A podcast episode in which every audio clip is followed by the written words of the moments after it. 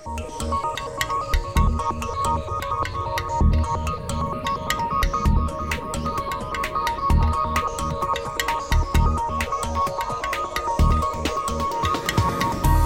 boas tardes, un saúdo de Manuel Vicente. O actor científico César Goldi e a nosa técnica de laboratorio Reyes Abad xa están nos seus postos. Somos o equipo de Efervesciencia.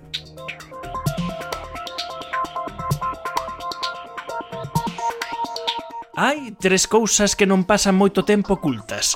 O sol, a lúa e a verdade. Esta frase é de Buda. Existen dúcias de lendas urbanas sobre a influencia da lúa no comportamento humano. En Efervesciencia temos desmitificado algunhas delas, como por exemplo que a lúa influe na data dos partos.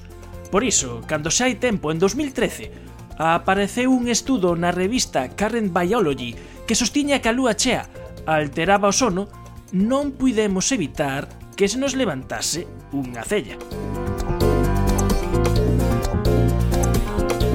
O estudo en cuestión da Universidade de Basilea era metodolóxicamente correcto.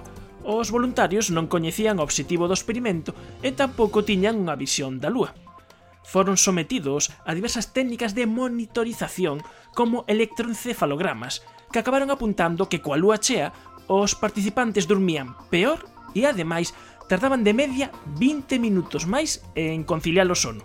En palabras dos seus autores, este traballo amosaba por primeira vez a existencia dun ritmo lunar no sono, pero o que chamaba poderosamente a atención é que o estudo se fixese únicamente con 33 persoas.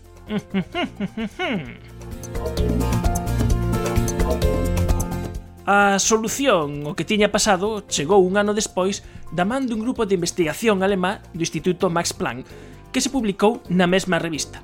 Estes investigadores analizaron o sono de máis de 1200 voluntarios durante 2000 noites, e non atoparon ningunha correlación da calidade do sono coa fase lunar.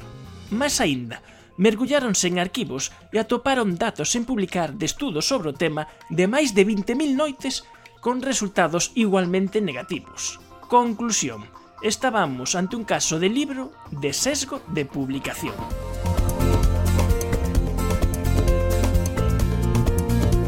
O sesgo ven de que por azar, e especialmente con mostrases pequenas, pódense producir resultados sorprendentes, como este da influencia da lúa no sono.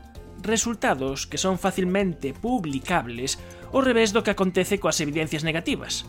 Os editores das revistas non teñen ningún interese en darlle espazo a unha investigación que diga, por exemplo, algo tan de caixón de que a lúa non afecta a calidade do descanso nocturno.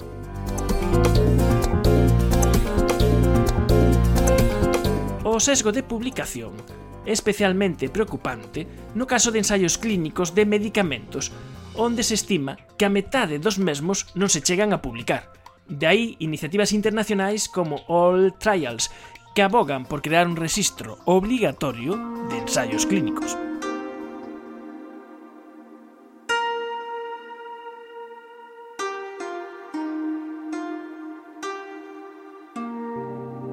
M stands for mindfulness.